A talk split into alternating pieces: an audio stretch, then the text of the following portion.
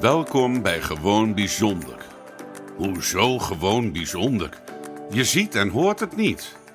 Hij is een halve Afrikaan en zij een hele Koreaan. Hij is lang en zij is klein, maar wat kan daar zo bijzonder aan zijn? Ze hebben iets met elkaar gemeen en dat zie je niet meteen. Dit is de podcast van Niels Lam en Sorien Zeldenrust. Transformatie betekent letterlijk veranderen. Anderen noemen het omkeer, uh, weer anderen noemen het uh, een verandering van vorm of een wijziging. En zo ook is gewoon bijzonder bezig met een transformatie. In de afgelopen drie afleveringen hebben jullie al kennis mogen maken met Dongmi Engels. En dat is Sorine mij zo goed bevallen dat wij besloten hebben om haar onderdeel te laten zijn van deze podcast.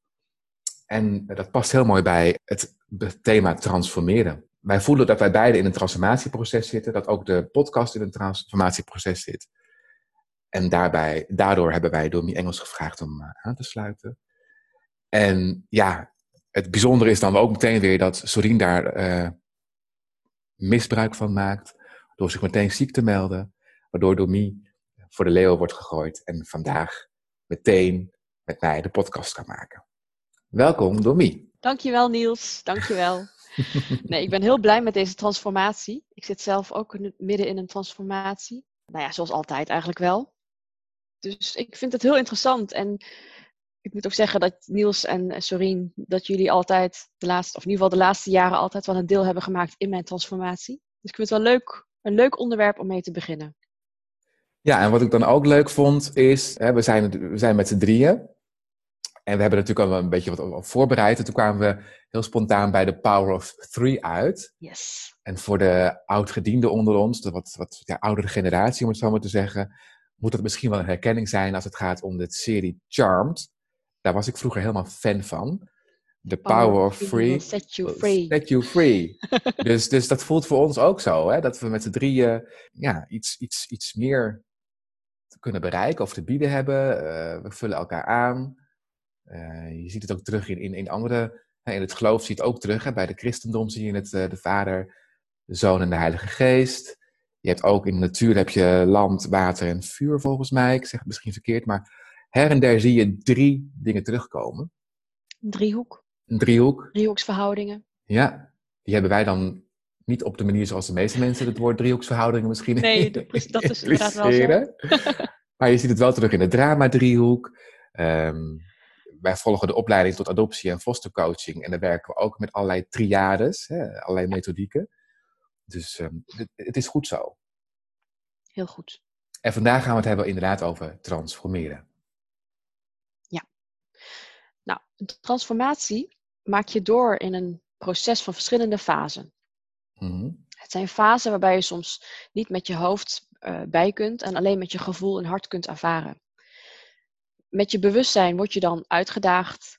En soms wordt dat één grote chaos. En daarna zie je alles weer glashelder hoe het allemaal werkt en zou moeten werken. Af en toe verlies je alle hoop dat je überhaupt ergens naartoe op weg was. Of bent eigenlijk. En je beweegt je hierbij voort in verschillende fasen. De eerste fase is frustratie. Daar begint het vaak mee met frustratie of onvrede. Het is een besef dat je verandering wilt, dat je uh, iets wilt bereiken, uh, maar nog vaak niet weet wat dat is. Je wil in ieder geval geen herhaling van hetzelfde. En je weet ook nog niet zo goed hoe je dat moet bereiken.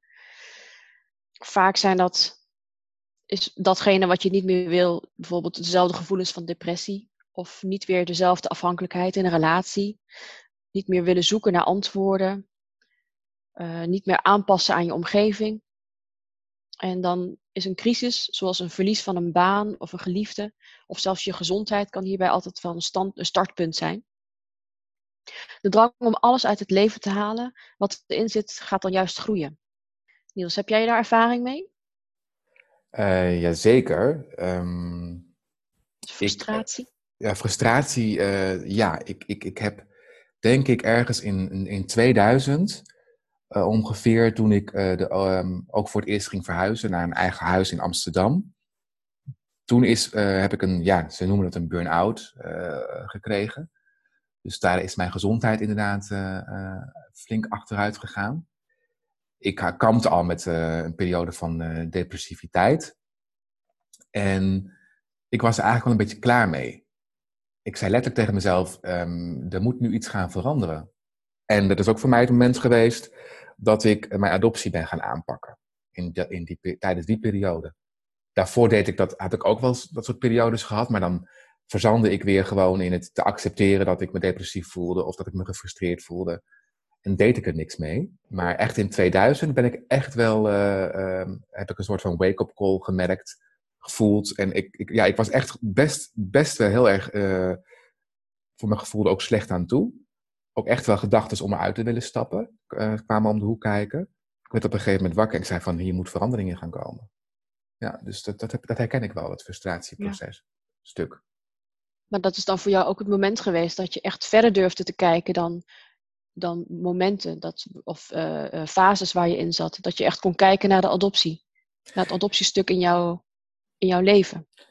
Ja, want ik was daarvoor was ik er gewoon um, niet mee bezig. Althans, ik wist wel dat ik geadopteerd was en dat soort zaken.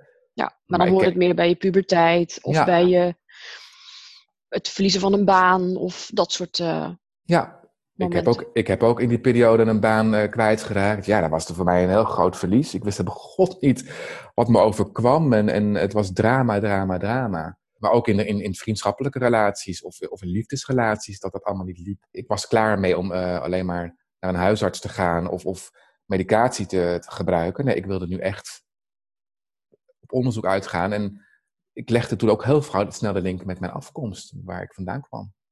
Dus mijn ja, daar was toen ruimte voor. Ja. Daar was toen ruimte voor. Ja. Daarvoor nog niet. Nee, en als je dan die frustratie even een plek hebt gegeven, dan komen, we, dan komen we bij de tweede fase. Dat is het fase van verlangen. De beste manier om in beweging te komen na al die frustratie is je aandacht te verschuiven van de buitenwereld naar je binnenwereld en van je toekomst en je verleden naar het nu. De bestaande denkpatronen zullen je niet verder brengen. Dat is een besef wat je dan op dat moment krijgt. En oplossingen of uitwegen vind je niet in de buitenwereld, in dat wat je al, al kende en wat vertrouwd voor je was. Het volgen van je eigen hart en intuïtie zetten weer nieuwe patronen in beweging nieuwe vragen, zoals wat zegt mijn innerlijke, mijn, stem, wat zegt mijn gevoel? Of waar word ik nou echt gelukkig van? Dit zijn vragen die je meestal goed op weg kunnen helpen uit waar je bent naar wat je eigenlijk wil zijn. En dat is voor geadopteerden natuurlijk vaak een vraag van wie wil ik zijn? Wie ben ik? Waar kom ik vandaan? Ja, dat herken ik wel. Uh, waar ben ik? Uh, wie ben ik? Waar kom ik vandaan? En die vragen die heb je natuurlijk altijd al een beetje gesteld je hele leven door. Mm tot op het moment dat je echt uh, dat proces aan durft te gaan. Dus ik herken deze fase ook heel erg. Dat ik op een gegeven moment, wat ik ook al net al zei, van goh, op een gegeven moment had ik ook echt de vraag, waar verlang ik naar? Wat, wat, wat wil ik nou echt? En dat was inderdaad uh, dit proces aangaan, op zoek gaan naar mijn identiteit. Wat, wat, wat is mijn adoptieproces? Ja, absoluut. Dus, dus, en, en daar ook echt stappen in durven te maken. Maar het begint inderdaad met die vraag, jezelf die vraag te stellen. Ja, ja echt, het, waar verlang je naar? Ja, ja. ja ik, ik heb echt dat verlangen gehad op een gegeven moment tijdens mijn proces. Dat ik echt wilde weten, wie is die Koreaanse vrouw in mij? En dat heb ik zo lang heb ik dat geblokkeerd, want dat was ik niet. Ik was een Nederlandse vrouw en zo werd ik ook gezien. En ik, uh, ik was ook heel lang trots op dat mensen mij echt zagen als een Hollander. En ook niet meer zagen als een, als een Koreaanse of een Aziatische vrouw. Dus dat, dat is wel een heel, voor mij een heel, hele belangrijke fase geweest. Dat ik echt open ging staan voor wat er echt binnenin mij zat. En niet meer die dikke, dikke korst, die camouflage eromheen. En dat is natuurlijk al die nou, meer dan 30 jaar eh, opgebouwd. Dus dat, is, dat moet je dan weer heel zorgvuldig afbouwen. Om tot, uh, tot die kern te komen. En sinds ik weet hoe de Koreaanse cultuur in elkaar zit. En ik uh, heb ontdekt dat ik inderdaad ook echt gelukkig word van het Koreaanse eten en Koreaanse series.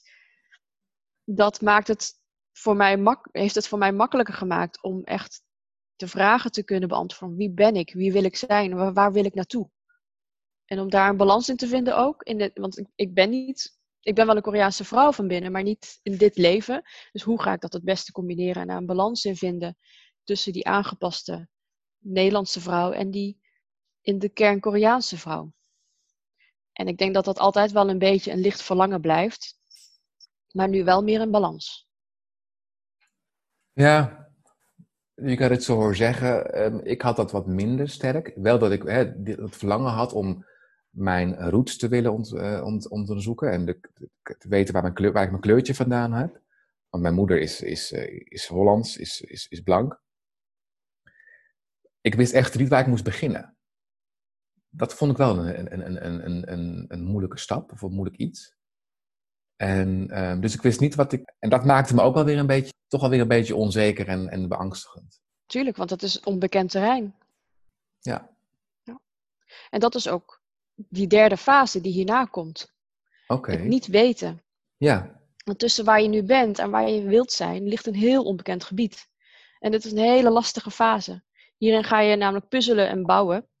Die oude patronen die ga je afbreken. En de nieuwe patronen hebben juist een hele sterke fundering nodig om op te bouwen. Eentje die sterker is dan ooit tevoren, want je wil niet weer af moeten breken. Je wil niet weer terugvallen. Nou, waar begin je mee? Met vooral uit eigen ervaring heel veel geduld. Hmm. Wat niet altijd even makkelijk is, hè Niels? stapje voor stapje, niet overhaasten.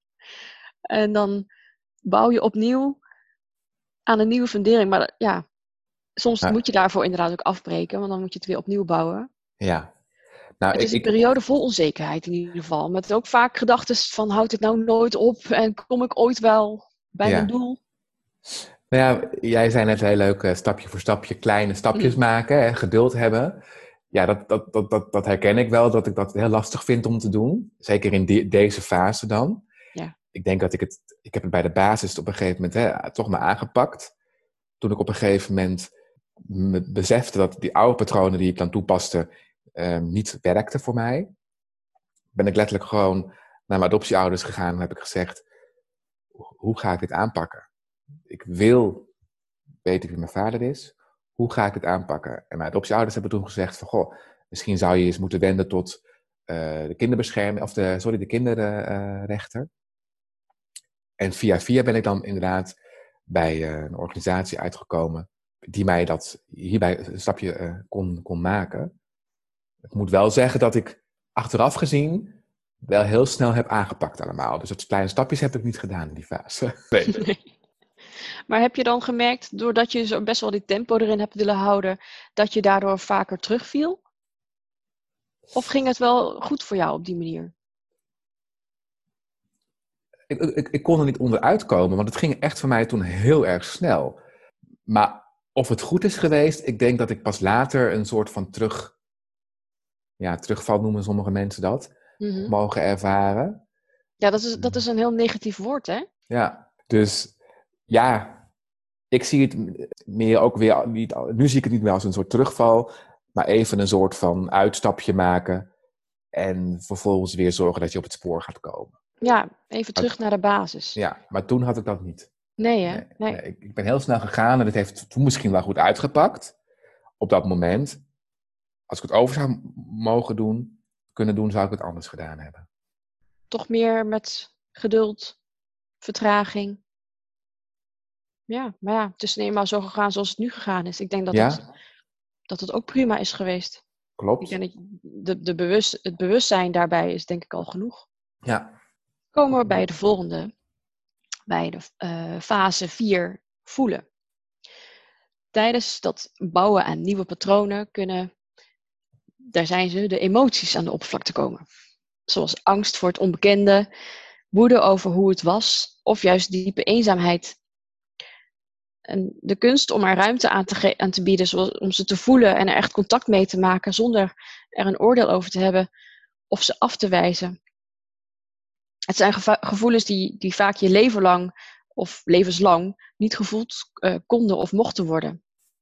Je bent niet gezien, niet gehoord, niet begrepen door mensen die niet kunnen weten wat je door uh, wat je door hebt gemaakt en, uh, en op dit moment doormaakt. En het stukje, als ik het heb over adoptie, het stukje rouwen en dealen met verlies, wat adoptie met zich meedraagt, is, een, is vaak een onbekend terrein voor veel adoptieouders en hulpverleners. En je kunt er altijd verdrietig of boos over blijven, of, of die rol voor jezelf gaan vervullen.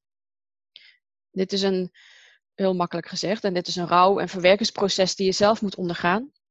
Maar wetende dat er andere mensen zijn die jouw proces herkennen en hetzelfde hebben doorstaan, maakt het, maakt het wel een stuk draaglijker. Voor mij in ieder geval wel. Het heeft mij heel veel gebracht om de, om de mensen om mij heen die hetzelfde hebben uh, meegemaakt, ook in het proces, om uh, daarop terug te kunnen vallen.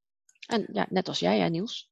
Ja, dat herken ik ook wel. Dat ik op een gegeven moment, uh, ik denk een jaar of vier, vijf geleden nu, aansluiting vond bij andere geadopteerden.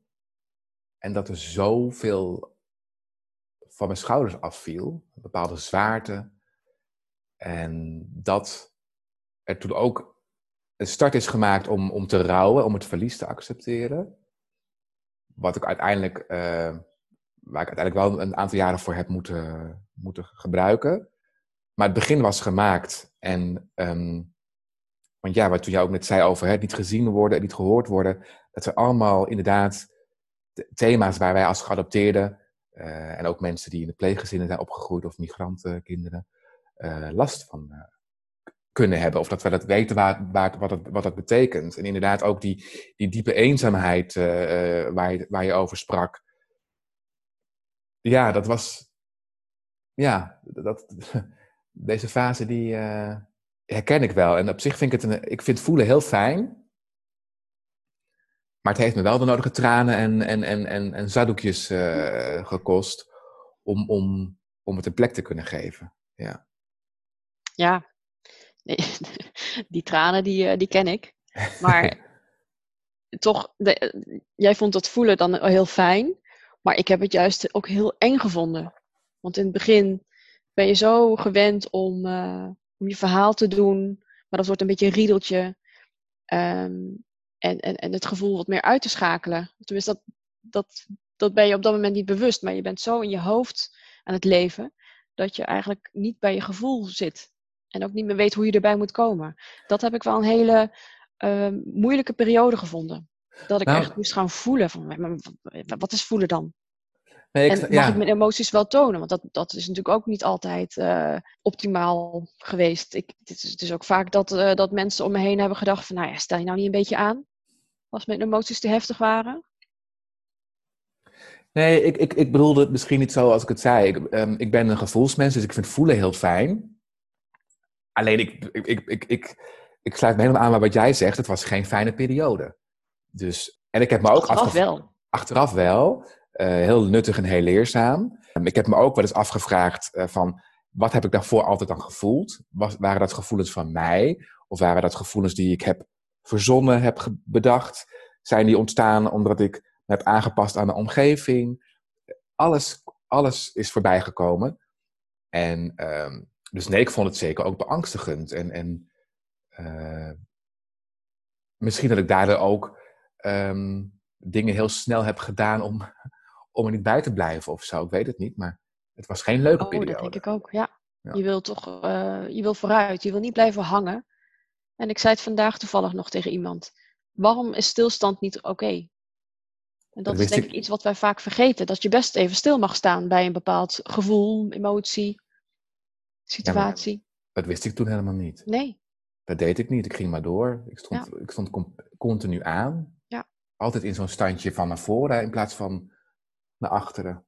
Ja, en vooral als het pijn deed. Want de pijn mocht er niet zijn. Nee, die mocht er zeker niet zijn. Nee. Ja. Nou, maar in dat niemandsland vindt ook de vijfde fase plaats. En dat is de initiatie. Dat is het begin van iets nieuws, bijvoorbeeld een nieuw patroon. Als je dat beseft, dan kun je er met meer zelfvertrouwen en commitment doorheen.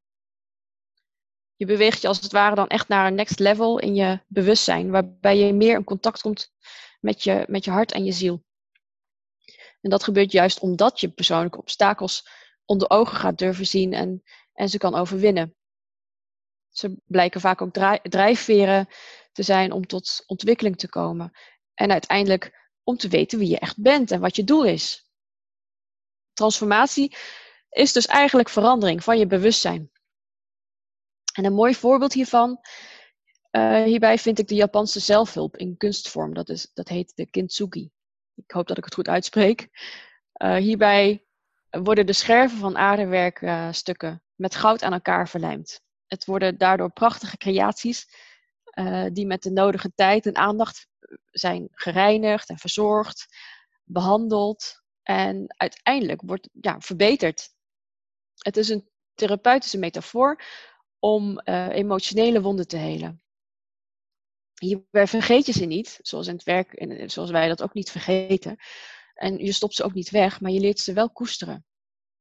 En dat vind ik zo kenmerkend, want wij hebben, tenminste, ik heb geleerd in mijn proces, in het rouwproces, in het, in het kijken, echt kijken naar de afstand en de adoptie in mijn leven, dat je, dat de littekens die je hebt en de bagage die je met je meedraagt, dat dat niet per se iets lelijks of iets vervelends hoeft te zijn, maar dat het juist iets heel moois kan zijn.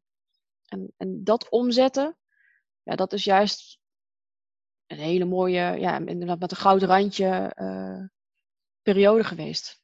Dat is achteraf, denk ik, het, het geval. Kon je dat toen, ja. Ik denk dat ik achteraf gezien dat die, door dat, ja, ik, dat zelfvertrouwen, dat herken ik. Commitment herken ik. En nu ik jou dat allemaal hoor zeggen, vraag ik me ook meteen hardop af: gaan deze fases allemaal achter elkaar? Of zou het ook niet zo kunnen zijn dat, dat je tussen de fases heen en weer kan, kan bewegen? Kan, het kan heen en weer kan gaan. Oh ja, zeker. Ik denk zeker dat je niet, je gaat niet alleen maar vooruit. Nee. Dat is ook wat ik ervaren heb. Je gaat ook af en toe even een stapje terug. En daar heb je weer, waar we het eerder over hadden, terugval is niet altijd erg. Nee. Want door even terug te vallen, kan je wel weer sneller vooruit. Ja. Of ja, sneller. Beter, denk ik. Ik denk nou dat ja, dat ja. een beter woord ervoor is. Je komt daarna weer beter vooruit. En hebt meer basis voor die, die, die sterkere fundering om op terug te vallen. Ja. En zo, zo klinkt dat dan weer veel positiever. Terugvallen dan. Ja. In die Ja. zin. Je kan het ook wel eens gekscherend noemen, terug bij af. En Ja. dat je weer doorgaat. Ja. Naar Ja, de en- gevangenis. Nee. Terug naar de gevangenis, ga niet door start. Nee. En, en ik denk dat het ook vooral heel veel belang is, ook, ik hoor het jou ook zeggen, hè, transformatie is eigenlijk een verandering van je bewustzijn. Daar zit ook gewoon het woord bewust in. Hè? Continu bewust zijn met wat je voelt en, en, en in het hier en nu daarin in blijven. Dat helpt denk ik wel om dit proces door te komen. Ja, ja mooi. Ja, ik, ik, ik, ik kende die kunstvorm, ehm, eh, ben ik pas eigenlijk in contact mee gekomen tijdens een workshop van, eh, ja, ook wel bekend eh, Kim Draaier. Die gebruikte hem ook eh, als een soort van metafoor. Dus ik had er nog nooit van gehoord. Heel veel, dingen komen, heel veel mooie dingen komen uit Japan als het gaat om dit soort eh, zaken. En ook uit eh, Korea en China. Dus daar kan het westers, de westerse wereld nog wat van leren. Ja, zo kunnen we allemaal wel wat van elkaar leren. En Zeker, alle wereld delen. zeker. Nou, dit waren de eerste vijf fasen van transformatie. Ja, En dan wil ik het graag tijdens de volgende podcast met jou over hebben over de volgende vijf fasen. ik vind, het, eh, ik vind het helemaal goed, Donnie. Laten we dit even landen. Gaan we doen. Dit was de podcast van Gewoon Bijzonder. Niels en Sorien horen graag wat je van de podcast vindt. Wil je een review achterlaten of wil je iets delen?